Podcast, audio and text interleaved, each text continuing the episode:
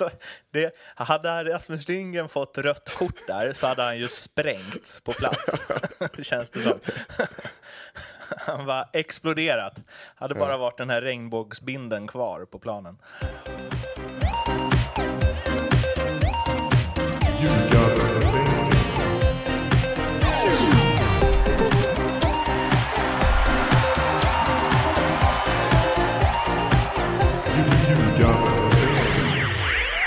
Ljugarbänken, NordicBets podcast om allsvenskan i fotboll är här. Det är avsnitt nummer 52.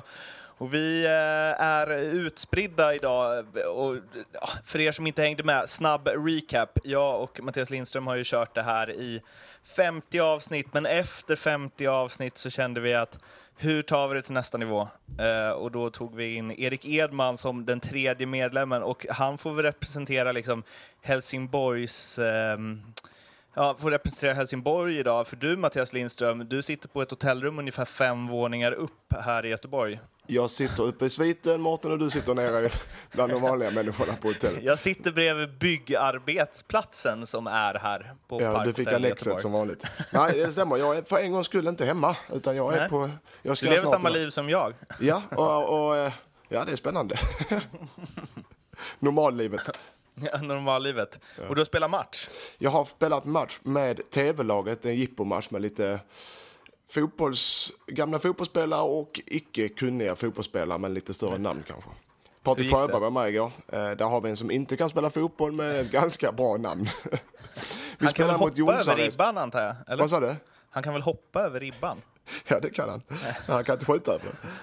Eh, Men, eh, och det var jättetrevligt. Vi vann med 4-3 mot Jonsareds eh, hopplock. Så det var trevligt. Vad eh, du, gjorde du mål? Nej, det gjorde jag inte. Jag stukade foten efter... Jo, det gjorde jag. Jag gjorde mål efter en kvart. Eh, Först en assist och sen mål. Efter 20 minuter spela, sen stukade jag foten. Så 20 minuter, ett mål och en ass. Det är jag nöjd med. Sluta på topp. Ja, alltid. Eh, Erik Edman, du är i Helsingborg, antar jag? Jag sitter hemma och spanar här. Du är inte så... Eh, vi avhandlade det här lite snabbt off-podd sist. Du är ju ingen tv-lagspelare. Nej, det känns som att jag ska ha bra, riktigt jäkla bra betalt för att ställa upp på de där giggen. alltså. Du sa också att du inte har, du har inte spelat fotboll alls sen du la av, eller? Nej, jag har inte gjort en enda match sen jag, sen jag slutade. Jag spelade lite tennis. Eh, kände väl att jag inte riktigt nådde hela vägen in till ATP där. Så nu, nu går vi hårt för padel istället här. Okej. Eh, har du någon liksom eh, fallenhet för det? Nej, det ska jag inte säga att jag har. Jag känner mig... Blir, blir spöad av eh, Jesper Jansson och hans son eh, Kevin här som är 15 år och de spelar ut oss fullständigt. Så det är klart att Det är inte bra. vi har en bit kvar, absolut. Okej. Va- Varför spelar du inte fotboll alls? Saknar du inte? Eh, nej, det gör jag inte. Antingen så kör man 100% och, och går in för det. Eller så skiter man i det lite så jag känner kring det. Jag, jag väl, när, man, när man blir sämre så blir man bara frustrerad. Och det är möjligt att Lindström känner någon glädje där när han springer ut där med, med Ekvall och grabbarna. Men eh, nej, det är inget för mig. Det ska sägas att Edmans kropp eh, går sönder så fort han ställer sig på en eh, fotbollsplan. Men eh, det är också, jag trodde också att du var lite sån faktiskt Mattias, att du så här antingen ska det vara eller eh, så ska det inte vara. Men du har liksom omfamnat det här att spela med sämre spelare och att allt inte handlar om att vinna, eller? Ja, men jag, jag tycker det är kul att spela fotboll fortfarande. Eh, och så länge det inte blir på för seriös nivå, där jag känner att jag fortfarande kan vara bra, så jag har inga problem med det. Men blir det för bra och det blir för seriöst, då, eh, då vill jag inte. jag, har vet- spelat, jag, det är jag tycker det är kul att spela fotboll utan att ha någon press på sig, så jag kan säga det. Er favorit Henrik Rydström berättade för mig en gång att han, eh, när han hade gått ner och spelat i typ division 4 eller vad det var, efter att, direkt efter att han hade lagt av, så hade han tänkt bara, "Ah, nu ska jag inte gå runt och liksom kalla folk fula saker och sparka på dem och så, för det här ska vara på skoj. Eh, och sen så gjorde det andra laget 1-0. Och då direkt på avspark så tog han bollen och sprang förbi dem och gjorde, det var väl five-a-side eller något, och gjorde 1-1 och sen sa massa dryga grejer på vägen tillbaka till avspark. och då insåg han att man kan liksom inte, för han vill inte att de ska snacka sen att alltså Rydström, hur kan han spela till allsvenskan? Han var ju inte så bra.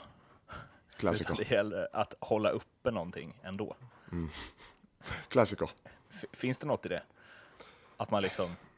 Eller skiter du i ifall Jonsereds, eller vad det var, eh, hopplock tycker att hur fan kan Mattias Lindström ha lirat i Allsvenskan? Den, den får man alltid. Om man inte gör tio mål i en sån match så får man alltid den. Och jag är inte den sortens spelare så ja, jag skiter i det. Okej. Ja men det får, den, får, man- den får man alltid. Det fick man även när man, när man spelar allsvenskan. Hur fan kan han spela allsvenskan? Av allsvenska spelare. Ja, ja, ja. Nej, Vem är men eh, bäst så i den, nej, den har jag inga problem med. Det har inga problem med. Vem är bäst i tv-laget? Det är jag. Okej. Vi lämnar det där va, Erik? Ja, låt det. Vi stänger boken där. Ja, vi stänger boken här.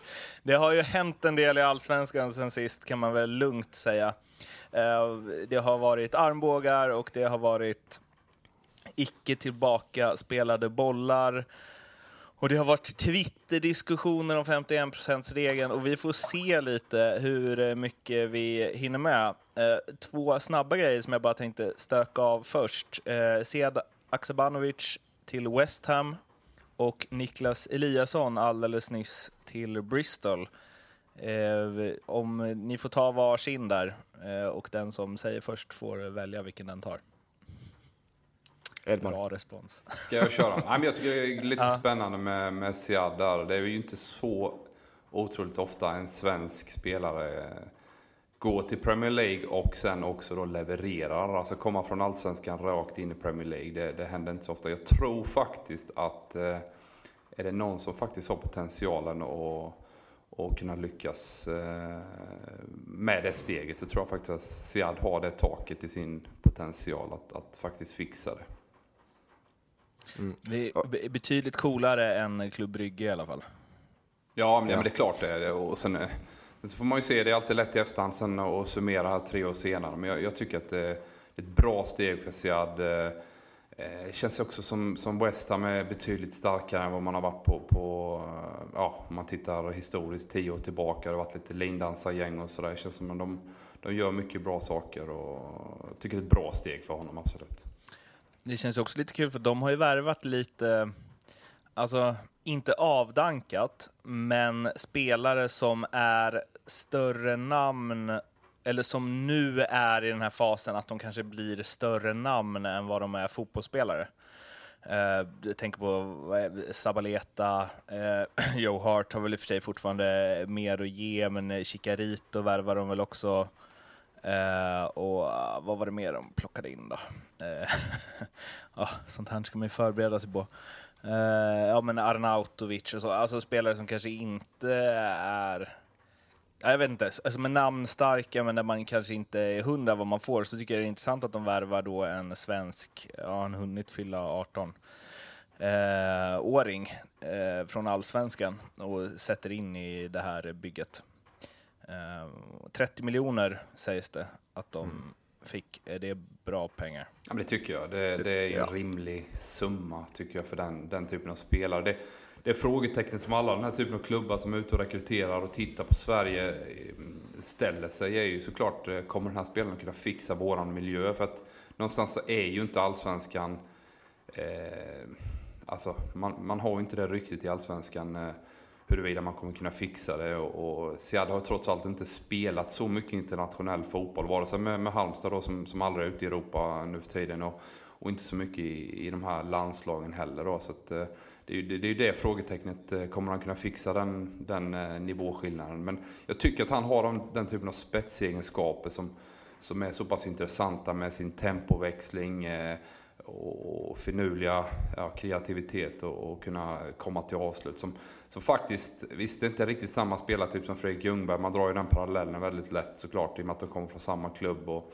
har vuxit upp i Halmstad och sådär va. Men eh, jag tycker han har, han har ett internationellt steg som, som eh, jag tror att klubbar är villiga att lägga mycket pengar på. Men sen är det så här, sen är det så här Ja. oavsett, jag tror också det är bra val och jag förstår att han gör kloka val Eh, och ingen stress. Men det, oavsett var man går, för nu ska han ut, som du sa, han ska ut på internationell mark och det är högre tempo och allt vad det Det tar, mm, jag tror inte både, eh, varken West Ham, han själv eller, eller fansen förväntar sig storvakt direkt. Utan han behöver ju tid för att komma in i tempot, komma in i klubben eh, och anpassa sig. Det, jag, menar, jag tror nu varvningen bär frukt senare. Jag tror inte det gör, något, det gör någon direkt effekt faktiskt. Jag tror inte jag, det, det kommer ta tid för honom att anpassa till tempot. Han, Eh innan du ska få ta Eliasson eh, Lindström så eh, måste jag bara, det här har jag säkert nämnt i den här podden förut och säkert inte alls för så länge sedan, men jag gjorde en intervju med Per Texas Johansson för tre år sedan måste det ju vara då. Uh, och då satt vi på någon sportbar, antar jag, i uh, Halmstad och blickade ut mot gågatan och då säger Texas att pekar han ut på en liten knodd som går förbi och säger att det där kommer bli vår största försäljning sen Fredrik Ljungberg.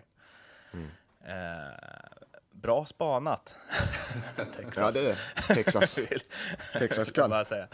Texas kan han. Niklas. Eliasson kan han också. Mm. det blir Championship med Bristol City. Han får väl snacka ihop sig lite där, eller man utgår ifrån att han har snackat ihop sig lite med Gustav Engvall innan, för den har ju inte varit superlyckad. Mm. Men eh, allsvenskans poängkung är det väl tillsammans med Magnus Eriksson, 13 poäng, 3 ja, mål, 10 ass. Ja. Uh, 11 ass till och med. 11 ass till och med. Inte enligt svenskfotboll.se. Men... det, det, det är de som bestämmer. Men eh, vad säger vi där då? Nej, då, eh, Norrköping tappar ju eh, såklart sin, ja, de, de tappar sin eh, poängkung och den, det är väl inte det de vill eh, det de behöver just nu i den, eh, den formen de är och den spelartypen de behöver. För de behöver den här eh, spelaren som kan penetrera en, en backlinje och kan, kan komma till de här eh, säga, poängen. Han gör, det är en poängspelare utan tvekan. Så att så sett är det en minus för Norrköping men är såklart ett jättefin eh, steg för Eliasson. Jag tycker det är ganska klok steg att ta. Bristol City, jag ska inte säga att jag kan dem speciellt bra men jag tror Championship kan nog vara en lagom nivå eh, för honom. Sen vet jag inte vad det, vad, vilka summor vi pratar om här. Vet, 20 vet miljoner sägs det. Mm, ja, det är också bra. Och jag förutsätter, men jag har inte hört det där, men jag förutsätter att Norrköping kommer att varva in något nytt. Med tanke på deras har... Eh, tabelläge. Mm. Ja, nu på morgonen är det här, eller det blev väl officiellt i natt, eh, men nu på morgonen så twittrade jag ut att eh, om jag säger att Niklas Eliasson eh, spelar i Malmö FF innan 2018 är slut, vad säger ni då? Eh, och fick ganska mycket respons på det, att det är, väl, det är väl inte helt orimligt. Jag tycker att det är konstigt att Niklas Eliasson går till, om du tycker det är ett bra steg, så tycker jag att det är ett konstigt steg att han går till Championship. För med tanke på hur det var i AIK, pressen där, vad det nu som var, liksom gjorde att det, han inte fick det att lossna. Han har gjort, han har gjort en, alltså två halvår, en säsong knappt som han har gjort väldigt bra i eh, ett Norrköping där han haft väldigt, väldigt mycket frihet, eh, tagit mycket fasta och fått ha precis den rollen han vill ha. Och sen så kommer han till ett Championship där det liksom, ah, jag vet inte om han har psyke och så till det. Men Championship, jag håller med att det kan vara mentalt tufft, men Championship är inte som det var förr i tiden. Det är inte bara sparka och springa, utan det, det, det, finns faktiskt bra fotboll också. Men, men eh, jag har alltid varit, hållit kvar spelarna så länge du kan i allsvenskan, men jag tycker också det går till en viss gräns. Man poängkung i allsvenskan, även om man inte varit så länge. För har man chansen att pröva vingarna i en sån här klubb som ändå Bristol City är, så, ska, så tycker jag man ska göra det. Fungerar det inte, är han för dålig, då kan han ta sig hem. Då kan man komma till Malmö, eh, gå tillbaka till Malmö innan 2018. Men, i 2018, men jag tycker man ska prova vingarna om man har chansen. Faktiskt. Och speciellt, speciellt Norrköping som får 20 miljoner, eller Norrköping som får uh -huh. 20 miljoner. Jag tror, att, eh, jag tror att han spelar i Norden i alla fall innan 2018 är slut. Ja, FCK då. är 20 miljoner bra för allsvenskans poängkung? Ja. Ja, det är, det är en bra okay. siffra. Jag tycker, liksom, som du är inne på själv där lite Mårten, så, så har han eh, framgång de här sista, sista 12 månaderna kan man väl egentligen säga, sen Traustason och, och eh, försvann och sådär. Och han har kommit in i det mer och mer. Så jag tycker 20 miljoner är en bra siffra. Eh, eh, han har ju en jäkla potential, men det är klart som du säger, han behöver leverera det under flera års tid också. Men just det han har, alltså fotbollsmässigt, om man räknar bort om han klarar att leverera över tid och ja, med press och allt vad det innebär och lite motgångar och hej och hå. Men hans skott och hans en mot en-spel och liksom hans tillslag överlag, eh, i alla fall bland det bästa jag har sett i Allsvenskan på eh, ja men alltså, de, de, jag vet inte, senaste tio åren. Alltså så, verkligen, hans tillslag är ju verkligen av liksom hög internationell klass. Ja, men absolut. det Offensiva spelet och, och sen det, det som man har känt eh, i början när han kom till Norrköping och fick spela, det var ju att det fanns eh, möjlighet för motståndaren att plocka honom ur matchen genom att kanske gå hårt åt honom i början och få honom lite frustrerad och, och liksom vara fysisk mot honom. Så det blir ju en utmaning här i, definitivt en, en, betydligt mer fysisk liga än, än, eh, än allsvenskan. Men det finns ju andra saker som kan vara positivt. Det är ofta större spelare, han är liten och kvick så att man kan vända på det och vrida hur många gånger som helst. Jag, när du får en chans som spelare, ofta så media liksom basunerar ut att det är 50 klubbar efter en spelare. Det är sällan fallet. Ofta är det en, max två eh, riktigt konkreta intressenter. Så att när du väl får ett konkret erbjudande så är det ju väldigt sällan eh, som, som man som spelare vill och vågar vara så kall att man, man tackar nej.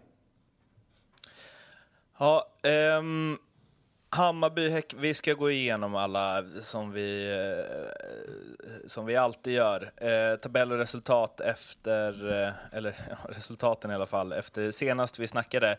Och då får vi alltså eh, spola tillbaka till eh, 5 augusti. Det är nionde idag när det här spelas in och då vann Halmstad mot Jönköping med 6-1. De ledde med 4-0 efter 17 minuter. Eh, tror jag. Ja. Då, vad hade de gjort innan? De hade gjort liksom få mål. Mm. De hade gjort 12 mål på 17 matcher och sen gjorde de fyra på 17 minuter. Mm. Det är bra utdelning ändå. Uh, Örebro, Elfsborg 2-2, Kalmar, Göteborg 1-0, övertidsavgörande där av Viktor Elm, Sundsvall, Eh, Öresund 1-1, Hammarby, Häcken 1-2, också sent avgörande av Paulinho, vi ska komma in mer på det sen. Sirius fick stordäng av AIK med 4-1 på Studenternas. Djurgården-Malmö också sent avgörande, 1-0 i självmål i slutet till eh, Malmö. Och Norrköping-Eskilstuna också sent avgörande, Sebastian Andersson i 87 knoppade vi in en hörna tror jag. Till 1-0 seger där. Och vi börjar med Hammarby-Häcken och en diskussion som har snurrat överallt, så då ska inte vi vara sämre. Eh, sno från de bästa och göra det lite bättre. Eh, det, ja, ja, har ni inte sett vad det här handlar om, så snabb recap. Hammarby eh, får inkast efter att en Häckenspelare fått kramp och de har rullat ut bollen Hammarby kastar inte tillbaks den, eller spelar inte tillbaks den till Häckenspelarna, utan riktigt eh, snyggt anfall till kvittering som eh, Smarason gör. Häckenspelarna blir vansinniga, framförallt på Jiloan Hamad. Eh, och det spårar väl ur eh, rätt eh, kraftigt. Och jag har massa, massa saker jag tycker om det här, förutom att det var ett snyggt anfall. Eh, men jag eh, håller lite på det och låter någon av er ta vid. Vill du börja Edman? Ja, kör du. Ja, för det första, jag har sagt vad jag tycker här, men jag kan fortsätta. Eh, jag tycker det är fel. Det är, det är, de är inget regelbrott, för det finns inga regler om det, men det är, de bryter en norm och en oskriven lag. Att, så gör man inte. Oavsett om det är så att Häcken spelar filma, det vet man ju inte om han filmar eller inte, det är det som är grejen. Så jag tycker de gör fel. Eh, Häckenspelarna har tydligen maskat och eh, filmat tidigare matchen. Eh, det pågår i alla divisioner, i alla serier, överallt, varje dag. Det är inga konstigheter. Men just att lägga tillbaka bollen är en code of conduct som har fungerat i, ja, så länge det har funnits. Och det fungerar. Det är en grej i fotbollen som faktiskt fungerar. Eh, och de gångerna det, det, man inte gör det så bryter man mot dem och då tappar man egentligen respekten. Eller man tappar, eh, man, respekten försvinner för, det här, för dem. Och anledningen till att eh, det blev som det blev också att Hammarby gjorde mål. Men att det var ett snyggt anfall mot var för att Häckenspelarna slutade spela. Friberg stod och drack, de andra stod och snackade, sen reagerade de och då var det för sent. Och sen efterspelet blev ju såklart att Hammarby gnäller på att de Ja, de var på med efter. Ja, det är väl klart de gjorde. Strypgrepp försvarar jag inte såklart, men det är klart att de måste reagera. Ska säga att Hammarby blev varnad för, för, för inte så länge sedan för just eh, maskning eh, i 89 minuter, så han ska nog lugna sig lite när det gäller de grejerna. Eh, jag tycker det är fel, rakt upp och ner. Jag tycker det är osportsligt. Eh, och eh, som tur var vann Häcken matchen. Får man, okej. Okay. Mm. Mm. Alltså, jag blev lite förvånad när jag läste, det får ni googla reda på själva, men Gillo och Anna Mad kritiserade både domare och motspelare. Och Anders Andersson och allt vad det var efter matchen. Men visst, alltså när Smarason sätter bollen, jag tycker man ser på Hamad direkt att han fattar att han har gjort fel. Ja, de vet om det. Hey, ah, Hammarby Han vet om det vänder sig om direkt, han jublar Ja. inte ens. Han bara Nej, vänder sig det- om och går. Ja, Alltså- det är klart han, ja, det är klart han vet om det. det, det. Men, okej det- om det, huruvida det är fel då, för jag tyckte också så här innan jag såg det och innan jag diskuterat med folk, men domarna har ju riktlinjer från eh, SVFF, eh, hantering av skadade spelare, där det står domaren bör ta hela ansvaret för att stoppa matchen och spelare bör inte uppmuntras att sätta bollen ur spel. Spelare som gör så bör inte förvänta sig att bollen returneras till dem av motståndarna när spelet återupptas. Alltså, det är en sak om du slår ut bollen på grund av att en motspelare är skadad. Mm. Men om du slår ut den på grund av din egen spelare. Och hur Ja, vet. man ska Det- kasta den är- bollen hit och dit. Men så här, och jag tycker någonstans att eh, ah, vi hade en diskussion om det här, jag och en kompis. Han, han skrev så här eh, att eh, den här diskussionen kan bara uppstå inom fotbollen, sporten där man går bananas över ett, att lag inte får tillbaka bollen efter inom citationstecken skada, men man accepterar filmningar och fusk i övrigt. Finns det ens någon annan sport som har ett eget ord för smart fusk, det vill säga furbo? Eh, fotboll är ett tjuv och rackarspel. Den som hävdar att fotboll har någon sorts moral ljuger för sig själv. Och sen så skickade han ett citat från Tommy Bostedt som är väl är Tre Kronor-chef tror jag i hockey. Skillnaden på fotboll och hockey är att i fotboll fejkar man att man är skadad, i hockey fejkar man att man inte är skadad. Eh, det finns ju någonting i det här, att så här, ja, det, det är helt okej att liksom Ja, fejka skador eller göra man vad, vad man kan för att få tiden att gå eller filma till sig straffar och så vidare. Och mm, ja, alltså jag kan ju tycka lite också att eh, om det hade varit så som det är nu, att man inte kastar tillbaka bollen. Frågan är hur många utrullningar av boll utanför sidlinjen som man hade sluppit då. På grund av att en spelare är inom citationstecken skadad. Jag tycker att du har någonting där Mårten faktiskt. För att det, det har ju satts i system det här att man ska tjäna tid, få motståndaren i rytm, alla de här bitarna. Och eh, många gånger även i första halvlek när man känner att man taktiskt eh, positionerar sig på ett felaktigt sätt så, så ser man i svensk elitfotboll idag väldigt ofta att spelare fejkar skador så att man kan korrigera eh, sina positioner och man samlas i grupp, tränaren får ett, någon form av time-out med sina spelare. Så att du har ju någonting där att, att det här är någonting man använder sig av eh, kontinuerligt för att få, få stopp i spelet och, och ja, antingen då få motståndaren ur, ur, balans eller då kanske själv behöva korrigera saker och ting. Så att det är någonting man behöver ta i och jag är jag ser, man ser ju det varje match och, och jag vet, jag kommer ihåg från, från franska ligan där det var otaliga avbrott hela tiden. Det här när man Eh, vill få stopp i spelet. Jag blir helt tokig på det, även när man själv eh, är med i ett lag. Det är klart att när man leder så, så, så försöker man göra allt man kan för att vinna. Men eh, hur man ska komma till rätta med det, det är ju det enda sättet. Det är ju att liksom gå ut från domarhåll och, och säga att så här tycker vi, så här vill vi göra. Slå inte tillbaka bollen, var tydlig med fans också. För du har ju en aspekt till där att eh, fans då i, i ett lag som leder med 1-0 och spelar på hemmaplan och så då får man en skada då, huruvida det är stimulerat eller inte så, så, så får man en skada, man får ett stopp i spelet. Och då börjar det ju pipas på läktaren direkt. Om inte motståndaren slår ut bollen eller, eller sådär. Och skulle man då inte heller då spela tillbaka den, då är man ju dödsdömd som, som bortalagsspelare. Och det blir ett otroligt liv på läktaren här va. Ehm, ja. För det är ju konstigt att det är så jävla känsligt, men att allt annat är okej. Liksom. Allt annat inom situationstecken fusk, eller inom icke situationstecken fusk.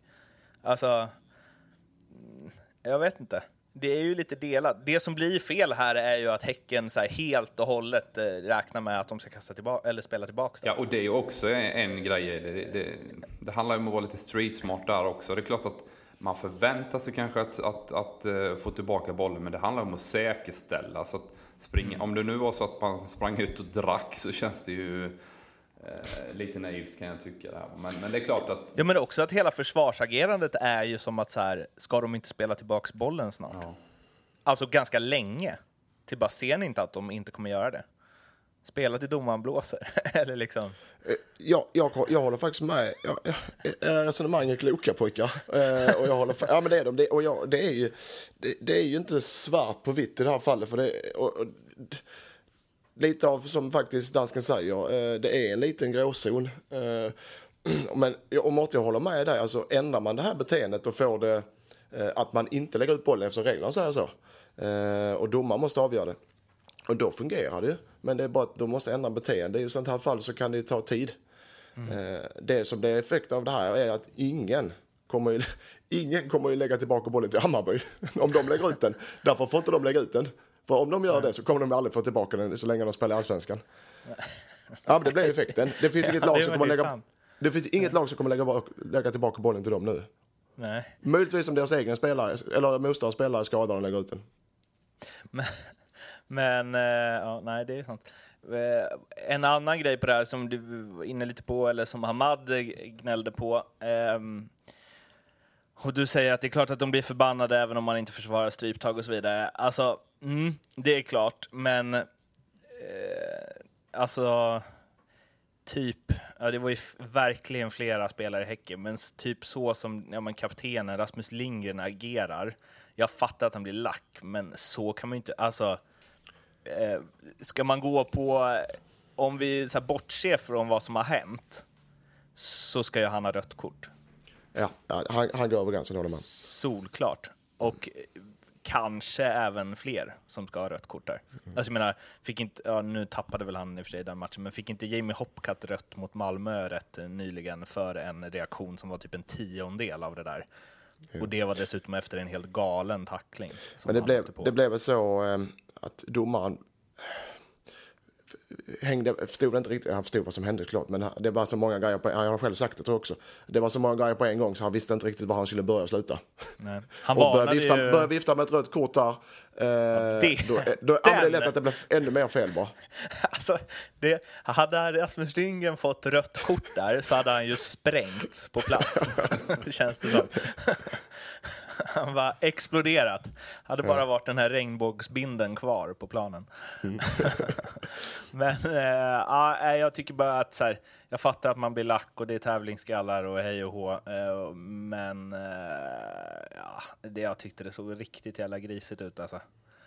Ja. Från Häcken, att liksom så här, sex spelare bara, vad, vad ska de göra med Hamad? Alltså, så här, alltså, de springer mot honom som att de ska slå honom och det får de ju inte göra.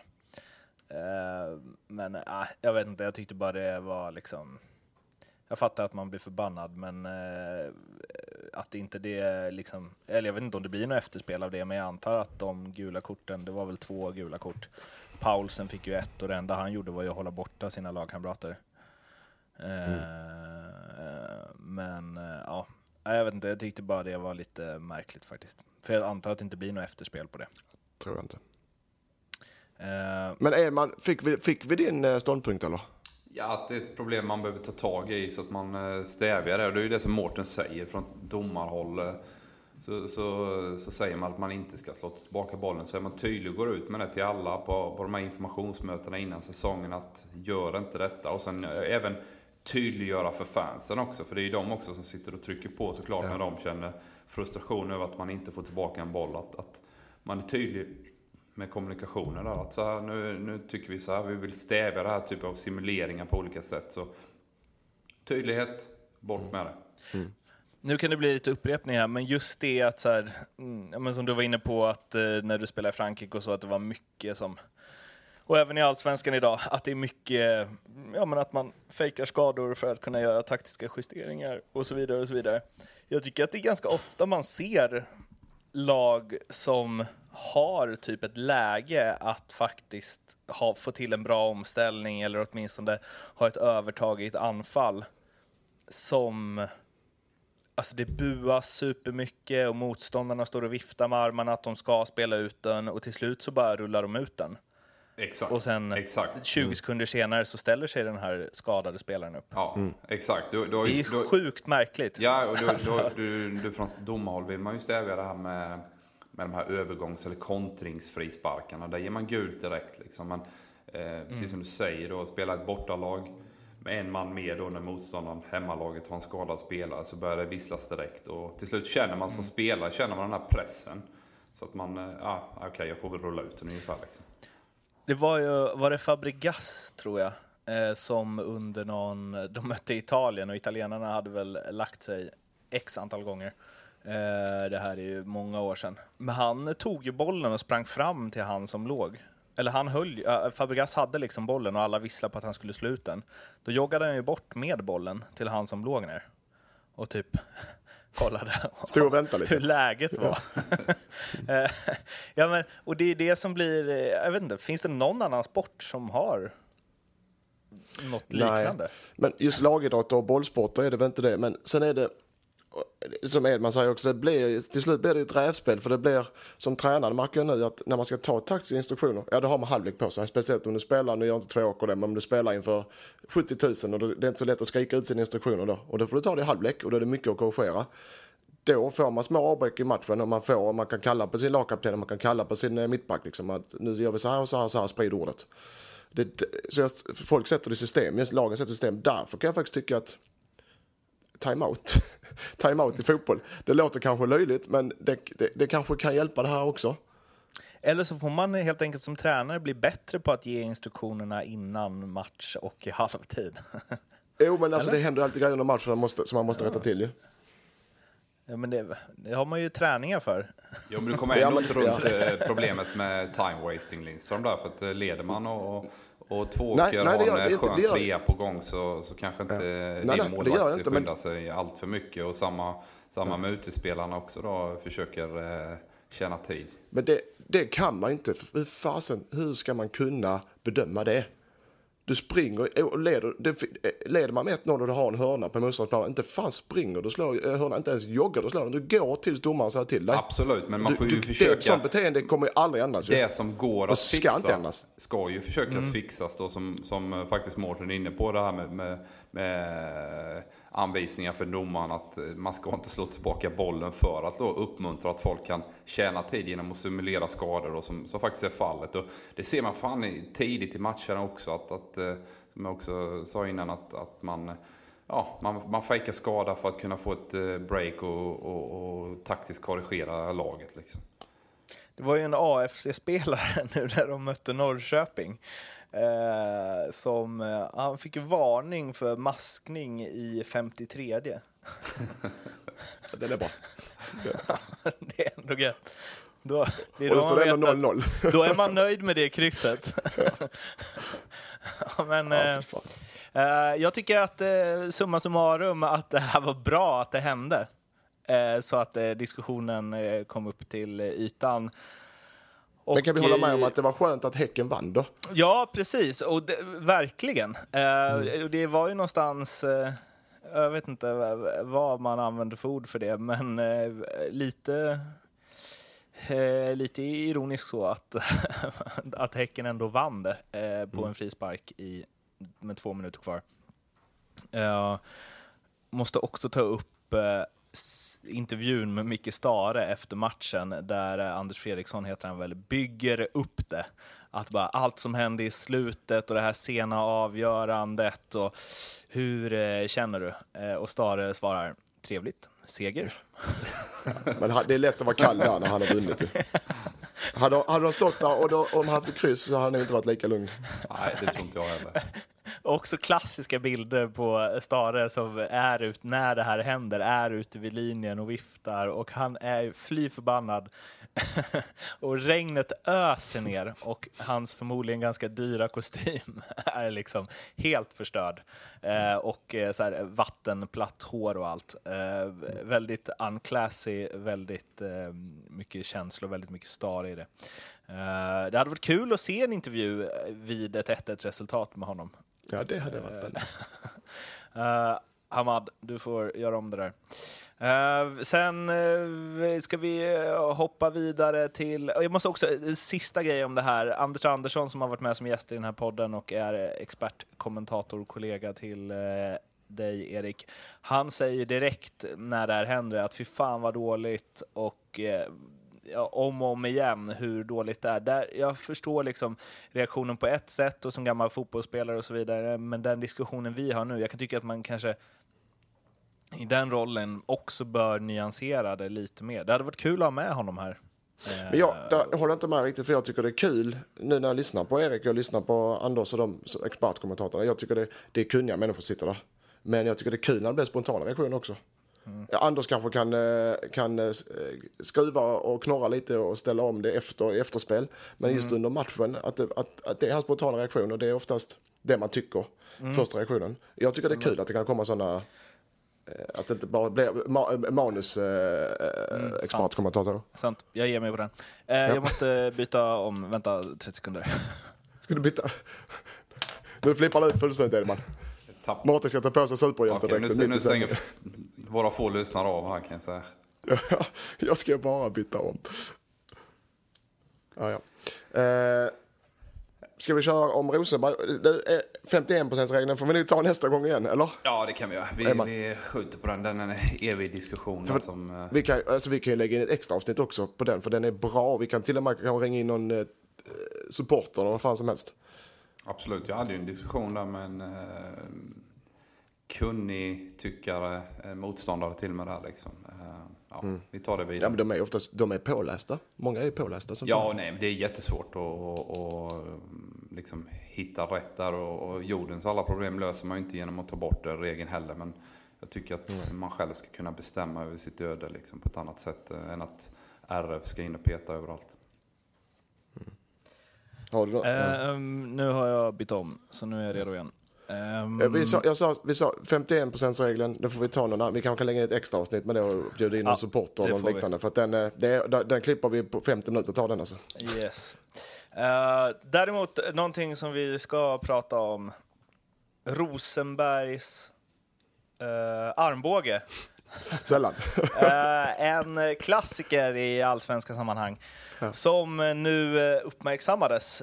verkligen, Djurgården mötte Malmö FF och jag vet inte riktigt vilken minut det var i, men 75-ish kanske, så håller Jakob Une Larsson i Marcus Rosenberg eh, en del, varpå Rosenberg sätter en klockers på hakan på Une Larsson som faller bladask till marken. Alakim ger Rosenberg rött kort direkt. Eh, Mackan protesterar väl inte supermycket mot det.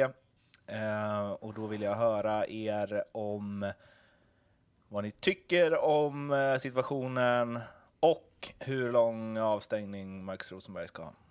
Nu får du börja Edman. Nej, men det är ju inget att snacka om. Såklart eh, rött kort. Bra agerat direkt av alla Kimda som tar det. Eh, sen sitter inte jag i disciplinnämnden där och har alla historiska händelser. Det var Igbo Nanike som, som åkte på eh, lång avstängning där. Axén var inte helt tillfreds med, med den domen. Eh, och sen har du Padibbe haft mot J här för, några, för någon vecka sedan eller två veckor sedan. Eh, men tre fighter kanske kan vara på sin plats. Mm.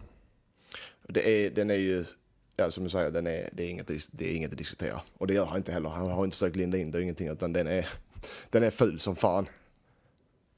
Är Rosenberg, alltså hans armbågar är ju någonting som det liksom är vida känt i allsvenska kretsar.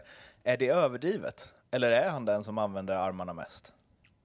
han har ju den spelstilen också. Det, jag har spelat med antal sådana spelare som har den spelstilen och eh, som, som tar för sig med armarna och använder armarna upphopp och liknande och då blir det lätt att det hamnar en armbåge i huvudet. Det blir, så är det. Och speciellt när du har eh, backar som i allsvenskan ligger jävligt tajt.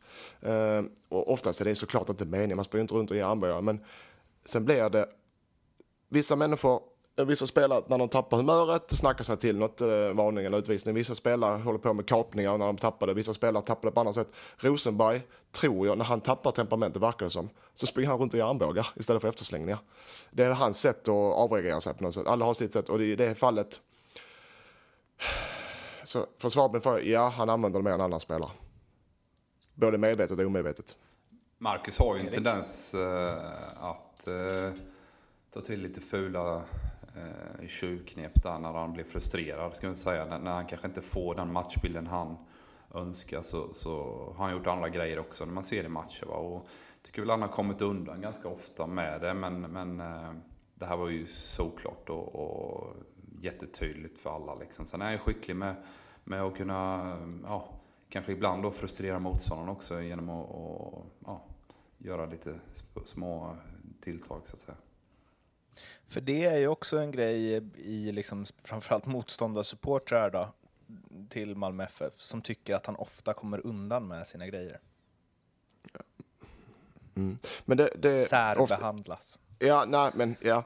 men det är väl det är väl inte att domarna... Ja, det är lite tvetydigt. Jag tror inte domarna släpper det. Marcus Rosenberg, en av allsvenskans största spelare.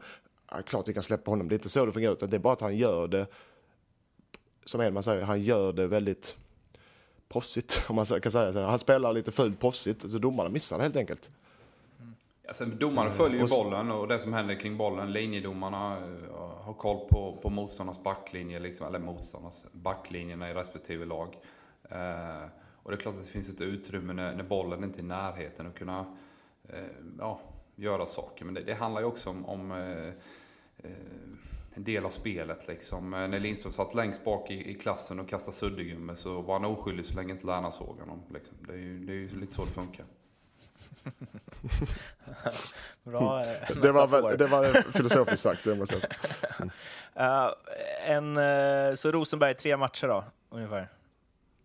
Ja, jag ja. tror också det. Mm. När vi ändå är inne på Djurgården-Malmö, en uh, diskussion som är enormt stor, där 51%-regeln är bara en fis i rymden i jämförelse är ju huruvida det finns några orättvisa resultat eller inte.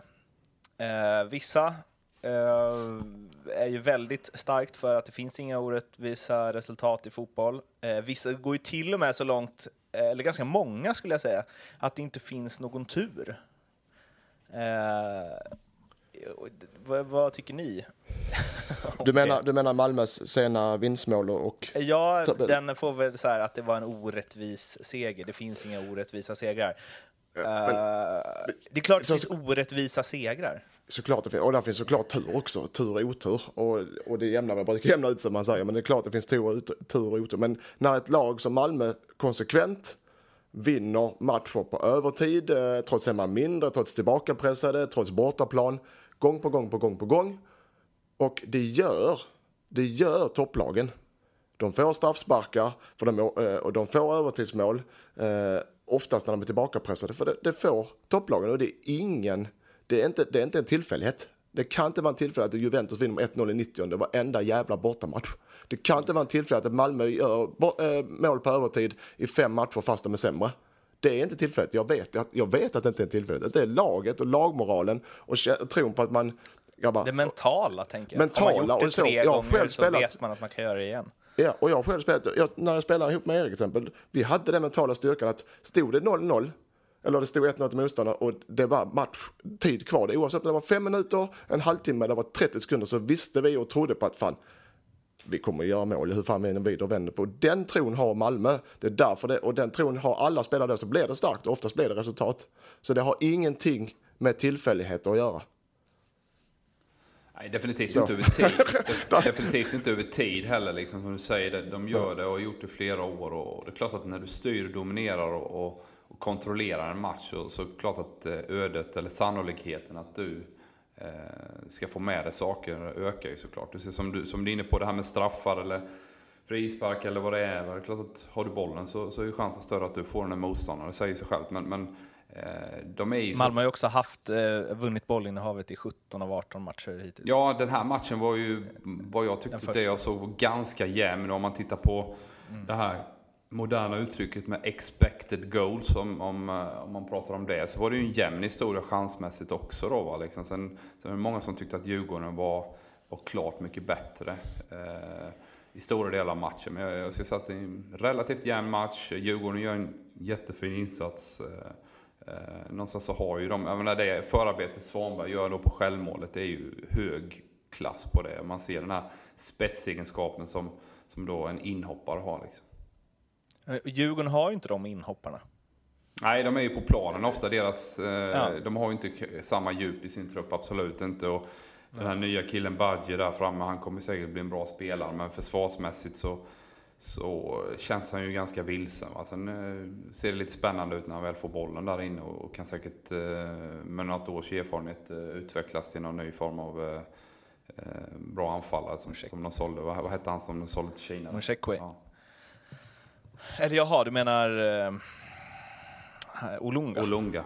Han var ju också eh, på lunch där i sex månader och sen så, så exploderade han på hösten här liksom. Så det, det kan säkert bli något liknande. Det är säkert det Bosse hoppas på också. Men det är ju en tydlig grej att när Malmö gör tre byten och när Djurgården gör tre byten så är det rätt stor skillnad på kvaliteten på spelarna som kommer in. Och det är klart att det ger utslag. Eller? Exakt, där har du också en aspekt i det att uh, när, har desto starkare trupp och när man gör bytena i slutet så oftast gör man bytena Eh, ja, som säger, de spelarna Malmö sätter in höjer i kvaliteten. Eh, I, Eller bibehåller den i alla fall. Ja, de, men jag tycker till och med många av de här Malmös byten höjer, höjer dem, för de som kommer in är så jäkla spelsugna också. Mm. Men mm. Äh, ljugarbänkens ståndpunkt är alltså det finns tur i fotboll, det finns orättvisa resultat. Kanske inte den här matchen, men generellt, eller hur? Och, ja, och, och om ett lag gång på gång vinner på övertid så är det ingen tillfällighet. Tur förtjänar man över tid. Mm. Fan vad jag hoppades ja. att någon av er skulle vara en eh, Andreas Alm där, som bara, det finns, det finns ingen tur. Dåliga spelare skjuter i ribban, bra skjuter i mål. Ja, men det är väl det vi säger, eller? Ja. Nej, det är inte det ni säger. Jo. Riktigt. Är det det? Tycker ni så? Ja, men på, på lång sikt så, så, så, eh, skapar man ju sin egen lycka. Sen klart en enskild eh, händelse, match, eh, Eh, såklart att du kan ha, ha tillfälligheterna på din sida, men över tid så, så någonstans så, så är du bättre än motståndaren. Och som över lag, tid, ja. ja. Men i en enskild match kan ju ett, kan, kan ju ett lag vinna orättvist. Ja, ja. det kan de. Mm, det tycker ju inte Andreas Alm. Ja, det stör mig så jävla mycket. Jag fattar inte hur man kan resonera. Bara, ett dåligt skott tar i undersidan av ribban, mållinjen är ut. Bra, går i mål. Så resonerar ju han. Det är ju inte sant. Ibland har man lite oflyt med vind och dylikt. Ja. Just i det fallet så vet jag att, kan jag faktiskt hålla med honom. men okej, okay, ribban och ner och retur och liknande inte, men har du ett skott som tar överkant och ribban blir inspark så är det inget bra skott. För det är meningslöst skott, det blir inspark av det. Zidans straff mot uh, Italien i VM-finalen, när han chippar den i undersidan av ribban in och ut. Ja. Om den hade tagit på mållinjen och ut, hade det varit liksom en sämre straff eller hade han lite flyt att den gick innanför? Nu hörde jag inte för nu bröts det för mig här. Är ni kvar? bra, bra sätt att ducka frågan på. Ja. Hör du mig nu? Nu hör jag dig. Ja, hör Erik. Ja, men jag, jag, det är klart att du har en poäng där. Den är ju lite sämre som, som Alm är inne på, men någonstans så, så, tror jag mer att han vill lägga det i det här att man, vad kan man själv påverka, vad kan man inte påverka? Och ju mer fokus du lägger på det du inte kan påverka, ju mer energi tappar du på att ja, fokus på det du kan påverka. Jag tror det är någonstans där det ligger med Alm och det är klart att han tycker precis som vi i detta fallet också. Jag skulle säga att om, man, om det inte finns tur i fotboll i enskilda situationer och så, då finns det heller inget som heter tur eller otur i livet i stort. Det är exakt samma sak. Ja, så stänger vi butiken för den. Eh, Malmö hade inför säsongen 11, 13, 12 någonting utgående kontrakt. Det vill säga spelare med ett år kvar på kontraktet. Ingen har förlängt. Varför vill spelare inte förlänga med Malmö FF? Ja, men det är ju att man vill ta nästa steg. Eh, det finns ju en stor problematik när du tar in utlänningar. Eh, du ger dem en stor sign-on, eh, ett stort sign-on-belopp där man skattar 50% eller 15% med den här SINK-möjligheten. Det vill säga innan, man kommit, innan man har kommit in i landet. Ska du då sen förhandla om det avtalet när man sitter på en relativt liten grundlön i förhållandevis till hur mycket sign-on man har fått så, så, är, så är det ju helt andra skatteregler då när man, när man ska rita nytt avtal. Och det är samma problem med Rogne, de här danskarna i Blåvitt. Det går inte att, att eh, försvara en, en kontraktsförlängning då på samma nivå som man gick in med, med första avtalet. Det är samma problem som Danne har nere i Malmö nu med, med norrmännen. Nu har de visserligen inte spelat så mycket men eh, Christiansen fick ju, mm, det ryktas ju om runt 11 miljoner i sign-on och så kanske en mindre månadslön. Ska, ska han ha de pengarna i ett nytt avtal eller den här Lasse Nilsson kommer man komma i samma, samma sits med. Så där brottas man med väldigt mycket med, med, med, den typen av eh, frågeställning och beslut eh, när man tar utlänningar. Men de spelare som alltså mm, Ja, vad finns det? Det är ju eh, Tinnerholm, Lewicki, Rakip. Eh, fler spelare som också, alltså svenska spelare som inte valt att förlänga. Eh, vad tror du att man liksom vill ha så, mycket? Man har upplevt så mycket guld och hit och dit och Champions League och så och nu men, vill man en sån, som Tin, en sån som Tinnerholm vill väl där är, han är i bra ålder, han har spelat och kontinuerligt nu varit ute i Europa och spelar och gör det bra. Han vill ju ta nästa steg. Eh, I det, det fallet är det ganska tydligt att han är en sån spelare som har det bra i Malmö och gjort det bra, men han vill ta, ta nästa steg. Så han sitter nu och väntar på någonting bättre helt enkelt. Och oftast är man som spelare, är man i den situationen, man är rätt ålder, man är hyfsat het på marknaden och man vet att man kan ha kyla. Då är, precis som klubbarna sitter och väntar ut spelare, så sitter även spelare och väntar ut klubbar. Så många av de här, det är sant som Erik säger att, att eh, viss, Malmö vill säkert förlänga med vissa, men eh, får inte ihop det ekonomiskt helt enkelt. Men vissa spelare sitter nu bara och väntar och försöker vara kalla på att något bättre ska dyka upp. Den här ekonom... Jag fick en... Eh jag kommer inte ihåg vem det var som gick igenom det för mig, hur det här funkar med skatteregler och så, men och det är ju en enorm skillnad i kostnad för Malmö om de ska skriva nytt med till exempel Eikrem eller Berget. Tror ni eh, att de hade haft större chans att behålla de här spelarna eh, eller tror ni att de hade stannat om Malmö hade tagit sig till Champions League? Eller tror ni att det är för mycket pengar? Alla kan inte vara som Neymar som inte vad sa han när han skrev på för PSG och blev den överlägset bäst betalda spelaren i Europa? Ni som tror att jag, jag blir ledsen när folk tror att jag gör det här för pengarna. ja, rimligt. Eh, men vad, vad tror ni? Berget och Eikrem, hade det varit större chans att de stannade om Malmö hade gått Ja, det är flera aspekter. Det är klart ja. att ju, ju, ju större sport, sportslig stimulans du får, eh, ju större chans är det ju att du vill stanna såklart. Så där, där är en sak. Sen har ju varken Eikrem, eller eh, framförallt Eikrem då, men även Berget har ju fått sitta en hel del. Och det är klart att det, det byggs en frustration kring de bitarna också. Hur, hur Magnus då ser på deras framtid och så vidare. Så det är säkert de två sakerna som jag, som jag tror de undrar över. Och sen så såklart att eh, känner man då att Malmö inte är på väg åt det hållet som, som de hade önskat, och så, då drar man ju. Men det här du säger då, att man, när man jobbar så med utländska spelare, nu har man ändå kört, eh, nu värvar man med han Bonke och det ryktas ju om en eller två till från eh, Norge väl. Um, det kommer bli samma sak där. Alltså, hur länge kan man jobba på ett sånt sätt att man värvar in spelare, ger dem 10 miljoner ish i sign-on och sen så tre år senare lämnar de gratis? Eller två år? För det är ju inte sunt i längden. Ah, och speciellt inte om de inte går till Champions League. Det absolut bästa är ju att kunna göra som, som Rosenborg gjorde när de var som hetast i, i Europa. Där när man hela tiden kan eh, köpa det bästa som finns eh, nationellt. Liksom. Eh, mm. Man köper John Karev från Vålerengen till exempel. Man köper andra spelare från, från, eh, från de andra lagen i serien. Liksom. Och dels försvagar man dem och dels då så, så bygger man kanske en mer eh, nationell prägel på ett lag. För någonstans är man en svensk klubb, man vill förbli eh, eh, ja, det här malmöitiska med sin eh, tradition och så vidare. Så det är det optimala. Men det är det också svårt såklart om, om eh, de svenska klubbarna känner att de kan få ett par miljoner fler, eh, ja, mer av en utländsk klubb än vad Malmö är villiga att betala. Jag tror faktiskt inte det finns så mycket. Eh, det har varit lite snack om att man inte vill sälja till Malmö på grund av att eh, man vill inte hjälpa en toppkonkurrent. Någonstans så handlar det om hur mycket deg man får och, och, och inte så mycket om, om eh, ja, den här hierarkin tror jag faktiskt. Ja, en, en grej på armbågen som jag kom på nu när vi pratar Malmö och Magnus Persson det som Magnus Persson säger i intervjun efter matchen när han får frågan om Rosenbergs armbåge, att han bara, ja det skulle ju varit frispark innan också.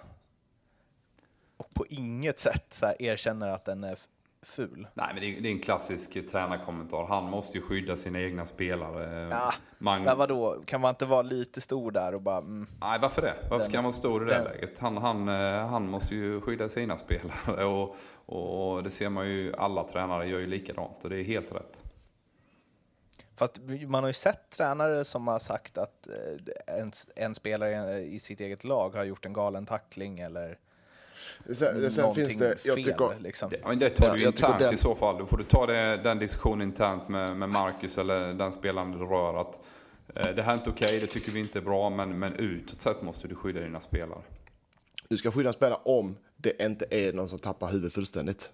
När det blev, börjar slåss på planen. Och spott, vi hade en spelare i vårt lag som blev spottad på eh, för ett tag nu i matchen sist. Sådana grejer som ska du ta. Sådana grejer kan du ta utåt också. Alltså för såna, när det är rent osportsligt uppträdande. Då tycker jag då ska, du, då ska folk få veta det. Att det inte är okej i vår klubb och så gör man inte. Tror ni så här då? För det frågade han ju, eller frågade ju Lund också, och det, jag kommer inte riktigt ihåg vad Persson svarade på det, men det var också att han duckade och att det inte var någon grej och bla bla. Men att han, han riskerar ju ändå kanske, ja men säg tre matchers avstängning nu, Rosenberg. Visst, de leder serien med 12 poäng, men tror ni att, han, att det blir ett snack där då, internt? Att de här armbågarna är lite onödiga, för vi behöver dig på planen. Jag, jag tror säkert han har tagit det med honom redan. Eh, och, eh, men jag tror inte det blir någon större bärs om det. Det är hans sätt att spela. Och det, han är bara med så länge, har inte förändrat det på 15 år så kommer han inte göra de sista 3-4 åren i sin karriär. Så att, eh, eller två åren eller vad det kan vara kvar. Ja, en tanke som jag förutsätter att ni kommer skjuta ner, men som jag ändå tänkte när jag såg den här intervjun. Hade Magnus Persson ens kunnat eller vågat kritisera Marcus Rosenberg eh, i media?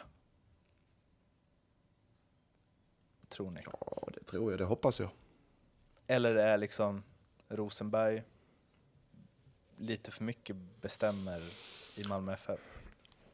Alltså jag tror mer att det, det, det handlar inte om Marcus Rosenborg eller någon annan spelare. Men så någonstans när du bygger relationer och, och får ett förtroende för varandra så, så är det ju knappast en bra idé att gå ut och kritisera dina spelare offentligt. Liksom. Det, det, det är ju Och, och skjuta sig, sitt eget ledarskap i sank. Liksom. Det, det handlar om att, att försvara dem utåt, precis som man ska försvara sina barn när de gör dumma saker. Men, men internt inne i huset så så, så måste man kunna ha en diskussion och, och en dialog om vad som är bra beteende och inte.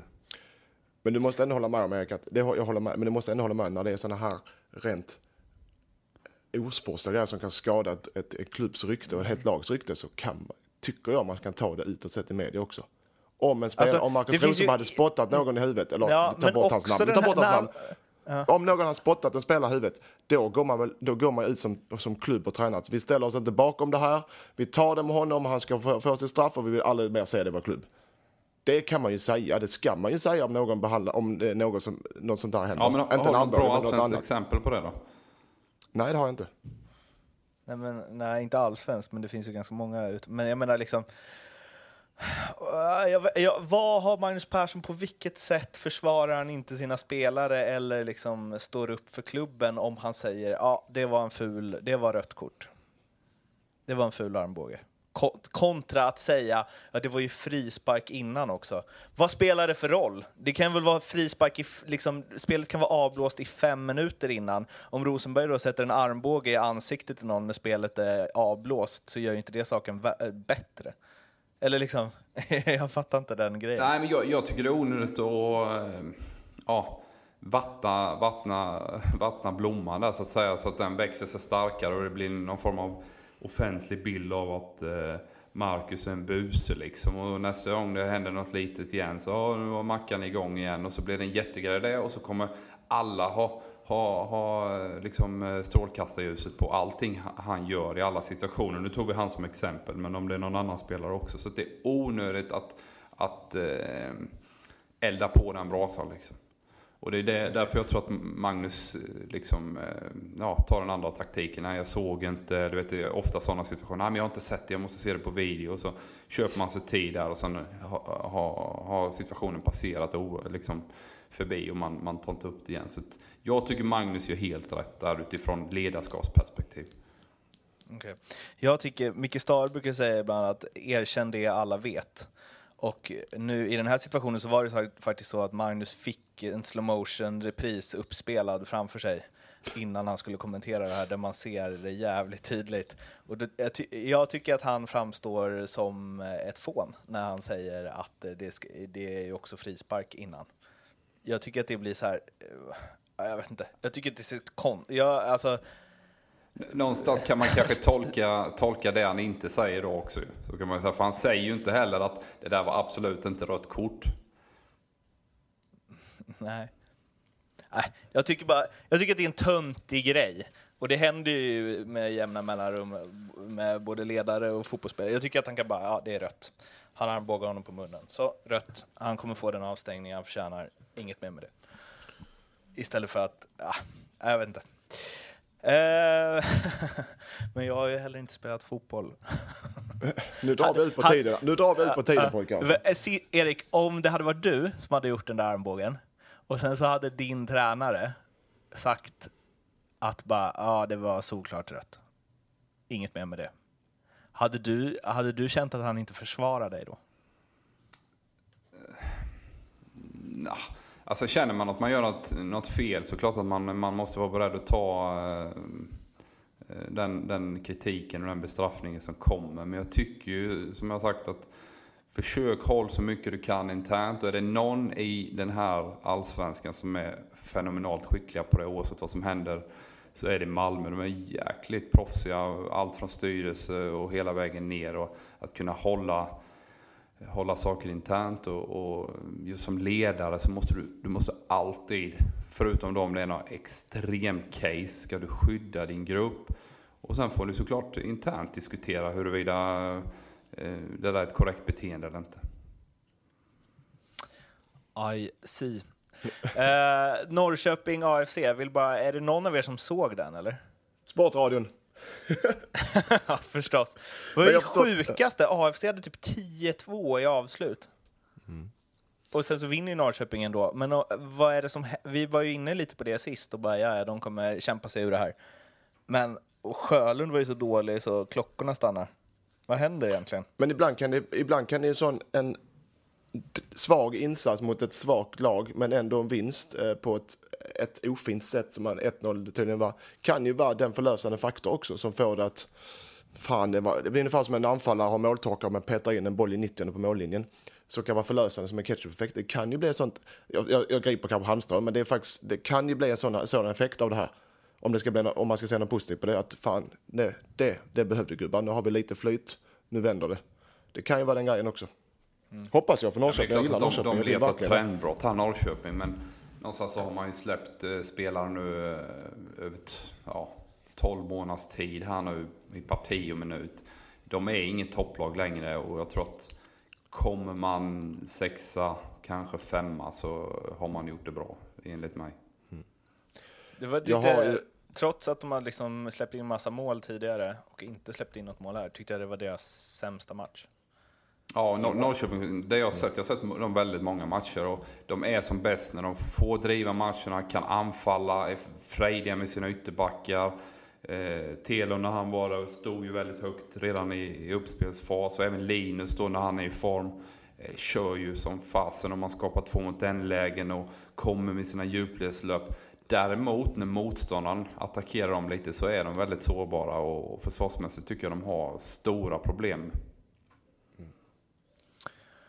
Är Sjölund slut? Nej, absolut inte slut. Så jag tycker att man, man eh, så så varit inne lite på McKennie det där. Det är en viktig spelare för den här gruppen.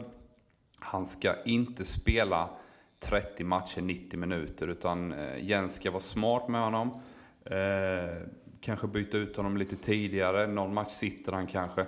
Men eh, han kan bidra med sin kvalitet när han är fräsch. Han har också gjort väldigt många fina matcher. Men, men eh, ibland så är benen väldigt tunga i omställningslägen. Det, det ser, ser många nu för tiden. Vi hade inget mer va? 1.06. Uff. Blir till att klippa i kanske klipper bort en del av dina resonemang där, Erik. Absolut. Eh, om ni vill eh, lyssna på alla tidigare avsnitt vi har gjort i den här podden så hittar ni dem på Acast. Eh, Ljugarbänken söker ni på där. Finns iTunes, söker ni också på Ljugarbänken. Vill ni prata med oss på Twitter så är det ju då eh, Martin Bergman, M Lindström 77 och Erik understreck Edman va? Yes, stämmer bra. Yes. Som gäller. Hashtag ljugarbänken funkar också. Vi har en Edvard tar Facebook. jättegärna diskussioner på Twitter. Ja, 51 regeln gärna.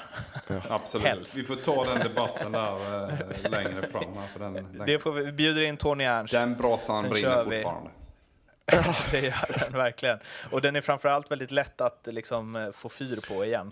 Jag, jag ska bara ta en snabb Mårten och Erik. Eh, Eh, eh, Min, ja, ja, jag kom på det. Eh, Facebook.com slash ljugarbänken också. Men vi har ju speltips, men vi har ingen Leopold Neurath med oss. Nej. Så Mattias, du sätter dina egna odds idag antar jag? ja, ja, jag gör det. Men sen så tar jag även min tvååker-update tar jag vid nästa tillfälle. Då blir det en dubbel helt enkelt. Ja, det blir det. det och hur kan vi glömma det? Mm. Vi vann den, förresten med vår nya 4-0 vi vann medlem förresten med som... 4-0 i helgen. Va, 4 Okej. Eh, varje fall, tränarseger såklart. varje fall, eh, jag har en eh, trippel för ovanlighetens skull och eh, här vill jag gärna ha feedback, snabba feedback. Eh, den här trippeln ger, vad ger den? Eh, fyra, gånger tre, fyra gånger pengar vill jag ha, jag ska ta med Leo, men den ska ge fyra gånger pengarna. Jag, först, J Södra, Örebro, SK, etta kryss. Eh, över 2,5 mål i Norrköping, Djurgården och AIK vinna mot AFC utan att släppa in mål. Den ger fyra gånger pengar. Vill jag ha fyra gånger pengarna. Det, vi, om ni vill veta vad oddset landar, landar på efter diskussion med eh, NordicBet Leo så går ni in ja. på NordicBet sajt under Love the Bet. J Södra, etta, J Södra, etta kryss, över 2,5 i Norrköping, Djurgården och AIK vinna utan att släppa in mål. Är det som kommer stå under Love the Bet på NordicBet sajt. Hur har det gått för dina spel? Jag vet inte, vi, bara, vi måste Bra. ha en uppdatering om det också. Ja, bra säger vi. förmodligen bra. Så, Sist gick det bra. Sist gick det var Oremo, eh, Halmstad och Oremo eh, poäng. Det satt efter 20 minuter. jag tycker att vi bara... Det går bra, Ja. helt enkelt. Rygga Lindström eh, så går det bra. Eh, Hur och går det för ditt så hörs, spelande, Edman? så hörs vi igen om en eh, vecka. Ska vi ses på eh, våning tre, eller? Vi ses, jag sitter uppe i bubbelpoolen. Jag kommer upp, tar en bild, lägger ut på eh, vår Facebook-sajt sen. Eh, tack så mycket för den här veckan, så hörs vi igen om, ja, snart. Hej!